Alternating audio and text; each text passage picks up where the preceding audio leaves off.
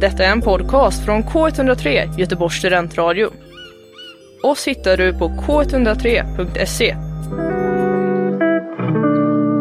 Vi startar detta år med en match i dödens grupp. BK Häcken mot Paris FC. En blåsig och regnig januarikväll på Bravida. I det tredje avsnittet av Emma och Märta går på match berättar vi om Champions League, just denna dödens grupp och varför det inte bör spelas någon fotboll i Sverige innan april. Ändå bra.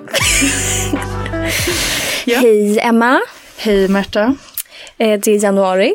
Det och det är här är årets första avsnitt, men också det tredje avsnittet. Eh, och idag ska vi gå in på Champions League, den, det internationella fotbollsrummet. Ja, det Ja. var ju ett eh, underbart sätt att starta året på. Eh, det Verkligen. var ju liksom vår första match för året och jag tänker att om det får sätta tonen för de resterande 12 månaderna så ja tack. Du menar att allting ska sluta i 0-0? Nej. Vi ska inte gå Nej, händelserna i förväg. Ja. Vi ska inte gå händelserna i förväg. Nej. Men ska vi börja lite med eh, kontexten bakom den här matchen. Det är alltså en Champions League-match, gruppspel mellan Sveriges egna, Göteborgs egna BK Häcken som ställdes mot Paris FC. Eller Ja. hur? Eller Frankrike som du kallar dem. Ja, jag kallade dem också Frankrike för att jag, ja, jag har lite svårt det där med nation och stad och skillnaden på det. Det är helt okej, vi förlåter dig. Tack. Eh, nej men, eh, och vi kan ju säga så här, de spelar i eh, samma Champions League-grupp, det har jag redan sagt. Men vilka andra lag finns med i den här gruppen? Vi har alltså Chelsea och Real Madrid. Ja, det är, ganska, det är två ganska tunga lag, måste man säga. Verkligen, och jag tror att ehm, alla på förhand var överens om att eh, det här var en av de svåraste grupperna i um, slutspelet, därav namnet Dödens grupp. Exakt. Och varför är de här tungviktare då, skulle du säga? Jo, men jag menar Chelsea, det är ganska Uppenbart. uppenbart. Ja, nej men alltså här, de eh, går ju som tåget i England, har ju vunnit allt utom just Champions League. Eh, det är Emma Hayes sista säsong. Vem är Ehm, Emma Hayes? Ehm, det är Chelseas tränare.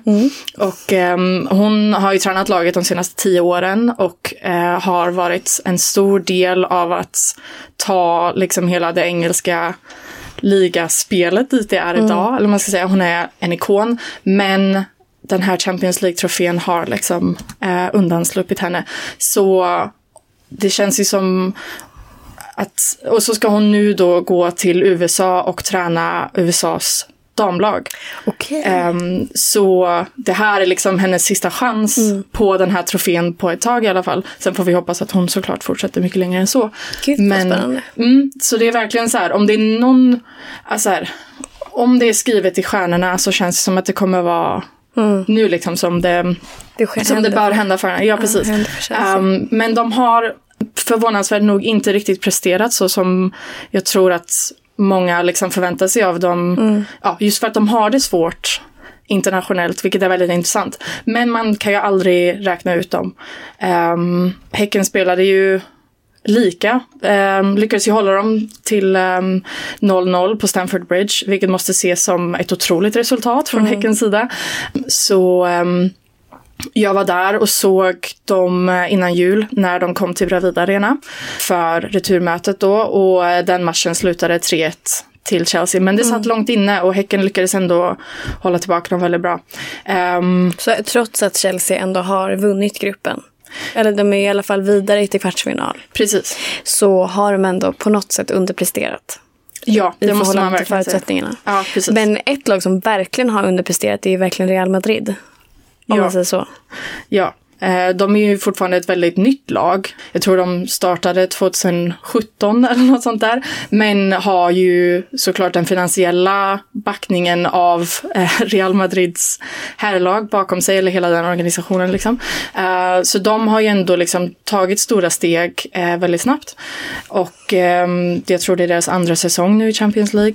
Och trots att de inte kan mäta sig med ehm, sina landsrivaler Barcelona så ehm, gör de ju fortfarande ändå ganska bra ifrån sig liksom, i den inhemska ligan. så. Ehm, men eh, har bara lyckats ta en poäng tror jag. I eh, hela på- den här gruppen. Ja. Ja. och det är ju då, det är ju ganska eller jag tror för en, för en oinvigd så kan det ses som ganska chockerande med tanke på att det fjärde laget i gruppen då är ju, så vi har BK Häcken som eh, för många internationella ändå är liksom ett ganska okänt kort. Liksom. Och sen har vi Paris FC som, eh, ja, innan den här säsongen tror jag det inte var jättemycket folk som hade koll på liksom, Nej. vilka de var. Men ehm, deras väg till den här gruppen har gjort att de har liksom verkligen gjort sig ett namn eh, väldigt snabbt. De slog ut både Arsenal och Wolfsburg som ju var i Champions League-final förra året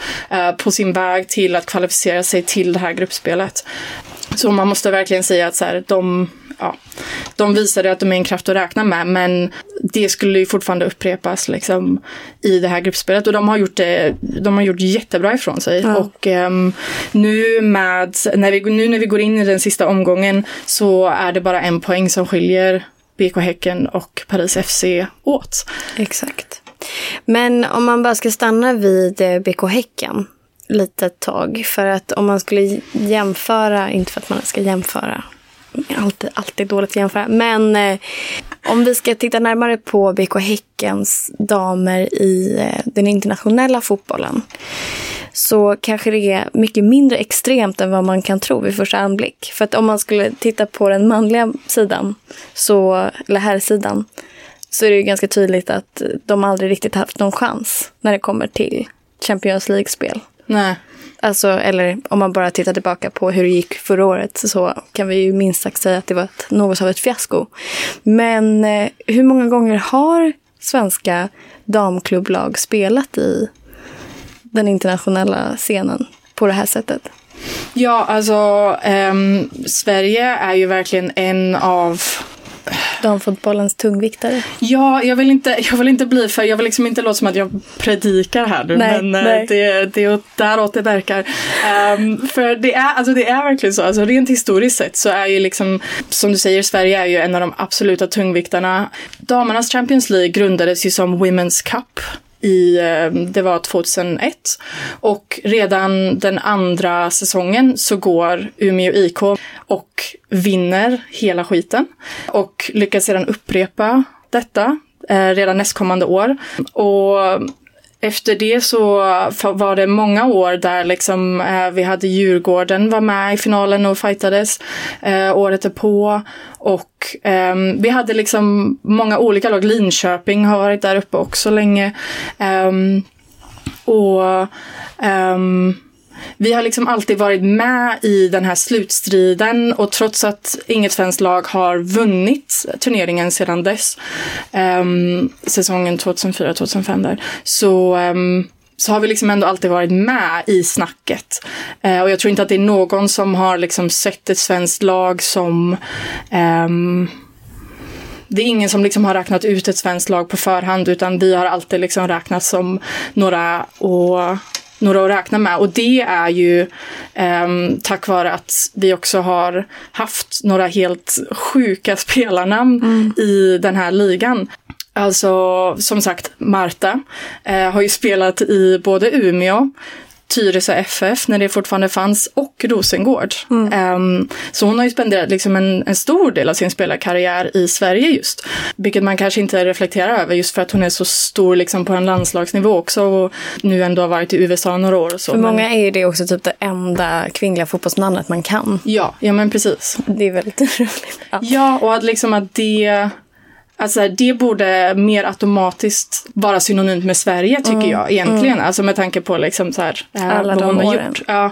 Men vi har också haft eh, amerikanska Kristen Press. Hon spelade i Tyresö och i Kopparbergs Göteborg i två omgångar. Som ju senare då blev då, BK Häcken. Exakt. Ehm, och ehm, Veronica Boquete, spansk ikon. Och ett namn som jag tror att många numera känner igen efter eh, eh, skandalscenerna i sommarens VM. Jennifer Hermoso har ju också spelat eh, i Sverige. Vilket klubblag är det? I Tyresö också. Ja. Ehm, ja, det så var ju därför att de gick under också. är ett, är ett sånt lag. För mig Ja. är Tyresö Nej, men det blir ju inte FF då, det blir Tyresö någonting annat. Nej, men de som jag alltid mötte i handboll och fick råstryk. Ja. Ja, Ja. men... ehm, Trauma, ja. traumaklubb för mig. Vill du prata mer om det? Mm, men jag, det kommer, kommer göra för ont. Ehm, Men eh, jag tänkte så här, alltså för att det är ju otroligt spännande. Ja. Och framför allt också om man tittar tillbaka på just det laget vi pratar om idag, BK Häcken. Och om vi bara ska förstå så här, för att du nämner ju det att de hette ju tidigare Kopparbergs Göteborg. Och det, kan ju, det är inte så catchy. Nej, Nej. det är inte det va? Eller? Nej, för det är ju också huvudsponsoren Kopparberg, cidermärket är det väl? Ja, Ja. precis. Och jag tycker inte att det är så rimligt att ha ett ändå alkoholföretag Väldigt som... osvenskt Ja, ja. ändå, måste man ändå säga. Men ehm, jag kan tänka mig att det är så enkelt som att ehm, de inte fick några andra sponsorer. Eller Nej. för att det var ju så det, var ju så det hela slutade sen precis. också, när till och med de drog sig ur. Liksom. För vilket år var det? Det var mm, 2000... När Kopparberg lag ner, la ner. Kopparberg la ner i slutet av eh, 2020, Mm. två månader efter att de hade vunnit sitt första SM-guld. Det är sjukt. Det är helt sinnessjukt. Och blir då uppköpta av BK Häcken. Inte ens Eller? uppköpta. Ehm, jag tror att eh, i och med att ehm, det är väl eh, ideella organisationer Ja. i grund och botten som vi pratar om, tror jag. Just det, ja Ehm, men det är ju så- svenska modellen. Ja, precis. Ehm, så ehm, det finns ju både för och nackdelar med allt det där. Men så tror jag att det var så att ehm, ja, men, eh, laget, eller vad ska man säga, så här, eh, till och med liksom så här, deras registreringsnummer, eller man ska säga, för organisationen, typ så här, gavs ut. Så jag vet så här, att det var på tal om att så här, Örgryte skulle ta över. Ehm, jag tror också att IFK Göteborg fick frågan och sånt där. Eh, men till slut var det då alltså med BK Häcken som de eh, hade väl liksom en, de röstade om det eh, bland sina medlemmar och så, så eh, gick de med på att ta över. Så då fick de lov att ta över det organisationsnumret, vilket betydde att de behöll sin plats i damallsvenskan, för det var väl det som var liksom den stora frågan då. Men Häcken hade ju också ett lag redan, men som spelar i division 1 vid det laget tror jag. Så, och de finns fortfarande kvar. Men eh, så nu så, det som är roligt med när man tittar tillbaka på de här eh, matcherna och vad som är också intressant i relation till just den här matchen som vi har varit på är ju att de här lagen har spelat mot varandra fast med andra namn. Alltså det vill säga Kopparbergs Göteborg mot vad, det, Juvisy. UVC. Ja. UVC. Eh, så Kopparbergs Göteborg har alltså mött UVC, fransk UVC ja, numera Häcken mot Paris FC. precis. För att eh, det var ju samma story där att um, UVC, men de blev då uppköpta Ja. av herrklubben Paris FC Ja. som Deras damfilial. Ja, precis. För de hade väl ingen alls tror jag. Exakt, Ehm, och det är så- ju det är en ganska vanlig metod där nere på kontinenten. Nej men gud. Nej men att, ehm, att man bara helt enkelt köper upp ett helt färdigt eh, paket och på så sätt har en väldigt högfungerande damsida. Inom fu- fotboll. Alltså det är ju väldigt, eh, ja, lite otacksamt kan man ju tycka på något sätt. Varför det? Nej, men att så här, de här stora klubbarna kommer in med jättemycket pengar och bara köper upp någonting som har eh, arbetats upp under åratal. Även om det skapar förutsättningar för damfotbollen, jätte, jätteviktiga förutsättningar för damfotbollen, så finns det ju ändå någonting lite provocerande i det. Alltså det sticker lite i ögonen. Ja, Eller? absolut. Jo, jag håller med. Jag håller med. Men det är en väldigt nyanserad fråga tror jag. För som du säger, det är ju Verkligen. samtidigt pengar och eh, det är ju ja. allt damerna ber om egentligen. Liksom. Ja, Så, verkligen. men eh, man, jag, tror, ja, jag tror att man får vara, vara försiktig med liksom vilka man vad säger man, lägger sig i styre under så att säga. Ja. Så här, för att det blir ju de som sen då tar beslut. Ja. Så man vill ju att det ska vara i damernas intresse. Det är Exakt. det liksom. Och att Ehm. fotbollen ska verka i, ja, för deras intresse. Precis. Nej, så då hade vi ju... Så när vi fick de här eh, startelvorna eh, inför matchen så såg vi ju då till exempel att eh, en av Paris FCs eh, trotjänare, Gaetan Tini, hon är 38 bast men lirar fortfarande utespelare på mittfältet. Har spelat, eh, har representerat Frankrike på seniornivå mycket också. Hon har ju varit i Göteborg innan och spelat just det här mötet. Och jag vet inte, det ger mig, det ger mig gåshud att tänka på. Mm. Det är så jäkla coolt. För att för henne måste ju det verkligen vara som dag och natt. Ja, och bara I- den typ revolutionen som har bara skett inom damfotbollen de senaste åren. Och för det här laget som hon ändå har varit en del av så länge. Precis. Det är ju djupt fascinerande. Ja. Gud vad, det är så mysigt för att regnet smattrar utanför. Mm. Hör du det? Och vi står här inne och Exakt, Snacka bara lite tittar ut. fotboll. Det är så jävla mysigt. Men det får ju en också att tänka tillbaka på hur eh, jävla kallt det var när vi tittade på den här matchen. Faktiskt. ja. Vi var- behövde ju hypa upp oss själva lite innan.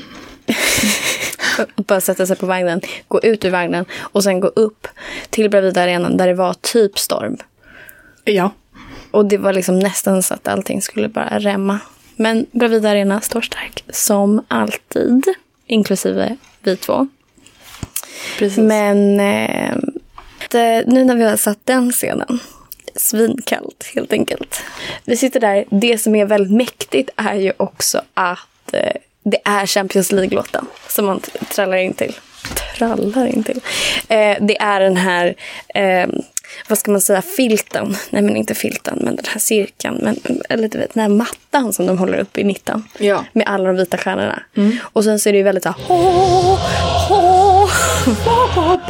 Exakt. Ja.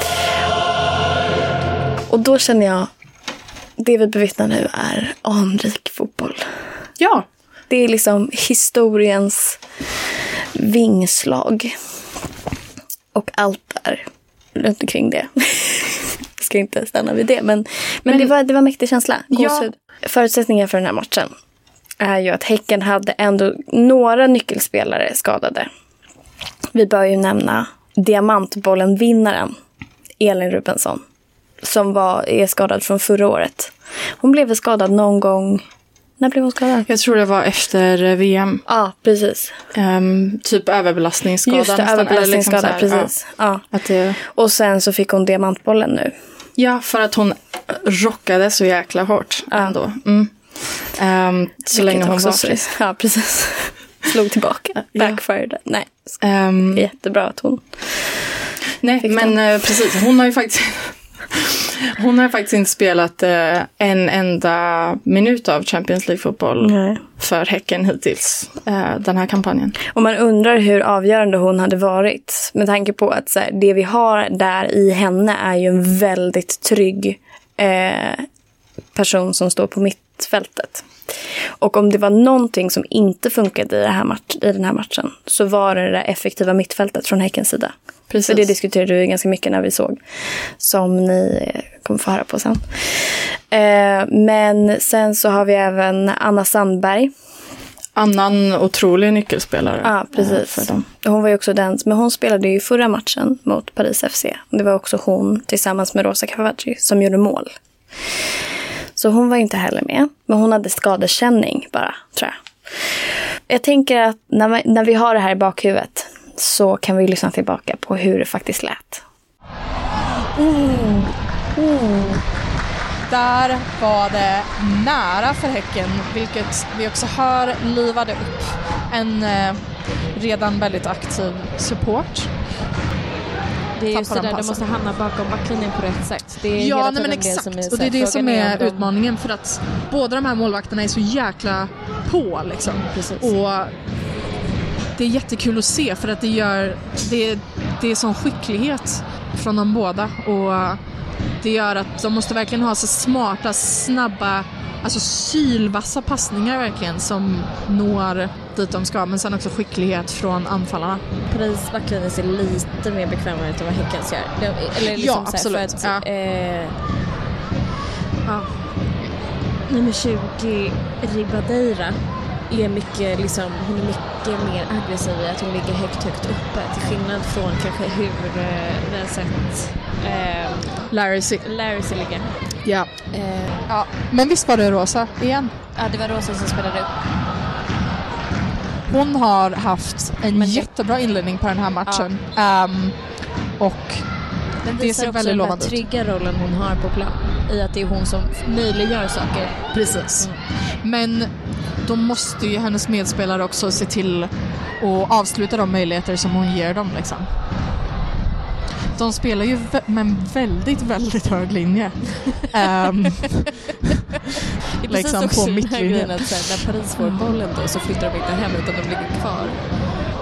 ehm, ja, men jag måste bara säga ljudet av hård boll mot um, mjuk kroppsdel är ett alldeles speciellt ljud som man får ont bara Nej. av att höra det.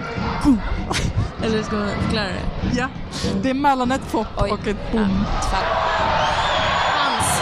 Är det hans? Larry kommer upp och skjuter boll. Det är, det straff? Det är straff.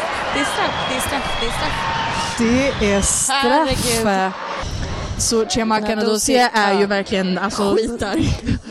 Hon är skitarg, hon är också jättebra på att rädda Ja. straffar. Ja, Så vi ska inte ta ut någonting i förskott här. För om det är någonting den här kvinnan kan Då är det det här. så är det det här. När det väl gäller. När det väl gäller. Fan.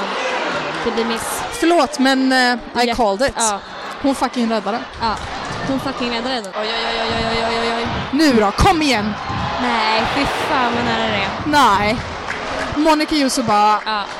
Är så nära på att göra 1-0 till Och hon Häcken. springer så jävla fort där. Det är precis så där de ska komma. Ja. Det där är ju faktiskt det enda som har varit Exakt. riktigt. Alltså hon är så snabb och Ja. lyfter den precis över. Men Och det är stolpe det är stolpe ut. ut. Bokstavligt talat, stolpe ut. Ja, men det är ändå bra.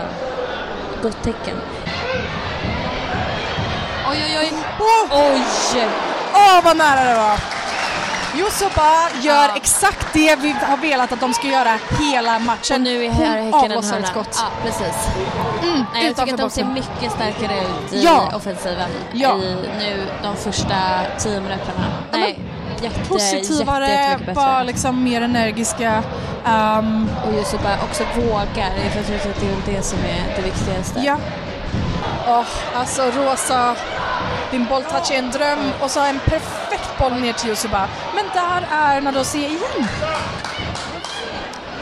Alltså det. Men hon är framförallt väldigt modig på att hon går ut på de där långa bollarna. Ja men Det är precis, liksom- precis.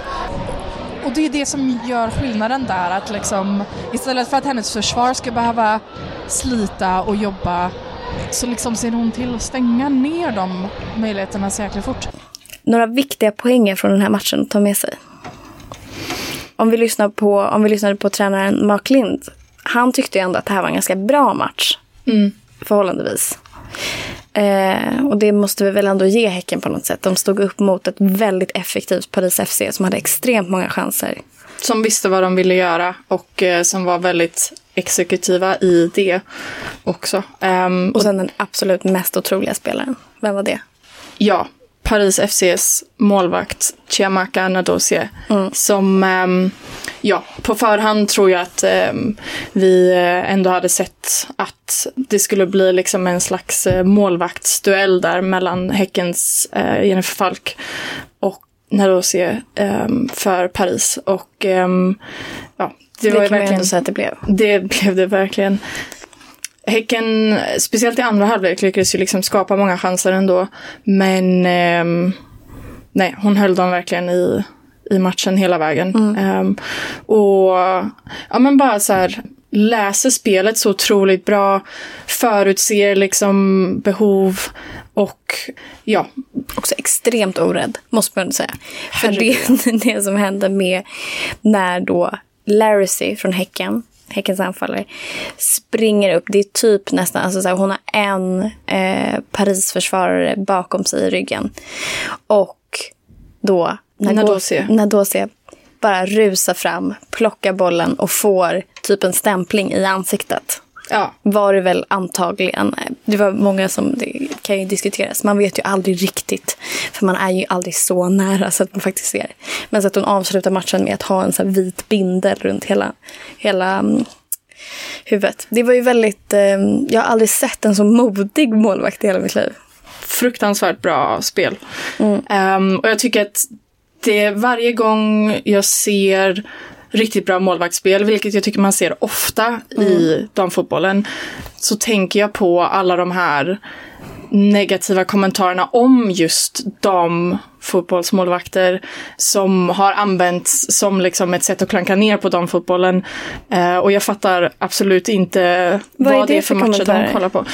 Um, nej men det är ju en helt annan diskussion. Men det här om att liksom målen behöver vara mindre för Jaha, att ja. damerna är mindre och liksom ja. för att de är sämre och allt det här. Alltså det stämmer ju verkligen inte. Om någonting så har ju liksom mm. um, den här matchen motbevisat det. Ja, eller alltså så här, ehm, utvecklingen av just målvakter har varit helt otrolig. Ja. En av de största poängerna, men som inte kändes så stort i mm. efterhand på grund av just hur eh, hon hanterade det, var ju Rosa Kafajis missade straff i mm. första halvlek som man skulle kunna älta och eh, man skulle kunna argumentera liksom att det hade ju såklart ändrat mm. matchbilden totalt om de hade lyckats göra mål. Um, men uh, igen, Nadosi är också uh, med en otrolig räddning. Och ja, Kafaji um, hanterade verkligen um, den missen på ett väldigt bra sätt. Ja, gud det var inte så att hon blev nedslagen i sitt spel. Absolut inte. Sen så var det ju, ja precis, alltså det var en ganska det är klart att alltså det var inte en skitbra straffläggning. Nej. Nej. Men det var också en jättebra räddning. Så det var väl liksom en eh, kombination av det. Men hon verkade ändå hon verkade inte helt nedslagen. Nej, vi kan höra vad hon har att säga om det här. Exakt. Jag tycker att vi är en eh, bättre match än förra på bortaplan. Ehm, vi skapar många lägen, vi har mer kontroll den här gången. Tyvärr får vi inte in bollen, vilket är synd för jag tycker att vi förtjänar det. Känner att det inte var min bästa straff på min karriär. Um, nej men det kändes som att jag hade studerat lite grann. Eh, och ja, det var inte riktigt bra straff. Så man får ju, det, är, det är enkelt att säga att man ska gå, gå och släppa det, gå vidare och släppa men klart man ältar lite grann på det. Men man får inte älta för länge. Dessutom ska man släppa det. Men de, nästa vecka har vi match. Men eh, som en avslutande grej så vill jag apropå bara stanna lite vid Rosa Cavaggio till sist. Bara som en sån eh, slutscen. När vi ändå går ut från Bravida Arena och hon går precis framför oss. Och man slås av hur sjukt det är att hon har spelat en Champions League-match. Men vi ändå går precis bakom henne. Och hon blir typ upplockad av sina brorsor och ska åka hem. Typ. Det är en vanlig onsdagkväll. Och det är några kids som står med en Häckenflagga och bara typ inte riktigt vet vem hon är. eller det var, de, var, de var lite, ja. Eh, de bara, ah, har du spelat eller? hon bara, ja det här. Och så, så var det liksom, det var väldigt, väldigt, väldigt fin scen och så känner man ändå att så här, ja, men det som också är så viktigt med att Sverige kanske finns med i den där internationella fotbollsvärlden är ju att det är precis den där dimensionen som den svenska fotbollen tillför. Den där extremt jordnära närhet, eller det är snarare så här, närheten till spelarna. Och att det egentligen är bara en helt vanlig match. En helt vanlig onsdag på Bravida Arena. Det är bara att det råkar vara en Champions League-match på något sätt. Ja. Håller du med mig där? Jo men verkligen, det är fint. Um, och det är det lite som damfotbollen fortfarande har rent generellt också. Mm. Alltså just det här att i och med att det inte är lika stort så betyder det också att eh, spelarna är närmare. De är inte supertrötta på liksom supportrar och press och frågor och sådana grejer utan de är liksom ja, men mer tillgängliga. Ja. Eh, och det är fantastiskt. Mm. För det är det vi behöver för att växa Precis. sporten också. Ja. Men ska vi... Eh... Så, ja, men så för att, för att liksom runda runda ja. av. Vi har en match kvar Chelsea ska spela mot Paris FC mm. just i Paris. Och Häcken åker ner till Madrid för att spela Real. Och ja, Chelsea har ingenting kvar att spela för, vilket ju kanske det som man är lite nervös över att liksom hur kommer de att... De vann 4-0 tror jag sist gång de här två möttes. Så på pappret så ska det ju vara liksom en enkel vinst, men om det Sen, inte finns ja. någon motivation där så, ja. Och det är ju såklart ett resultat som inte spelar någon roll så länge Häcken vinner sin match. Exakt. Eh, Så de har ju allt i egna händer, allt att spela för. Och de ska alltså möta ett Real som eh, ja, nog är ganska, ganska dystra. Men ehm, det betyder ju inte att de bara kommer att lägga sig heller, utan de vill ju ändå komma ifrån det här med någon slags värdighet. Så vi måste ändå förvänta oss att det fortfarande kommer bli liksom riktigt tajt och tufft. Så det kommer bli jätteintressant för det. Så jävla spännande. det, är ändå, det är någonting man behöver i januari. Även om jag kände att den här eh, matchen fick mig lite opepp på att... Eller nej, alltså nej. Jag ska säga att den här matchen ändå fick mig att bli jättepepp på den kommande säsongen. Ja, men visst. Det var bara att det var lite kallt, så det är jättebra att vi väntar fram till april. Ja, man känner ju man känner ändå tacksamhet för eh, det svenska spelschemat. Eh, man förstår varför de gjorde de valen de gjorde. Verkligen. Det är inte de bästa väderförutsättningarna kan man inte säga. För någon. För någon Nej, alls. nej. Men tack för att jag fick gå på match med dig. Ja, men tack själv. Vi ses sen. Det gör vi. Mm. Puss, puss, puss. Hej. Finns en tydlig fortfarande energi. inte gjort ett enda byte. Vilket kanske... Vi är snart uppe i 80 minuter. Medan Frankrike har gjort fyra. Så att jag tror Ja, att det är någonting som... Frankrike. Kom igen Frankrike. Rosa. Nej. Landskapskänsla på dig idag. Förut sa du hela Paris och nu är det, nu har de blivit Hela Frankrike. nationen Frankrike står i straffområdet. Du har hört en podcast från K103 Göteborgs studentradio. Du hittar alla våra program på k103.se. Följ oss på Facebook eller Instagram. Vi hörs!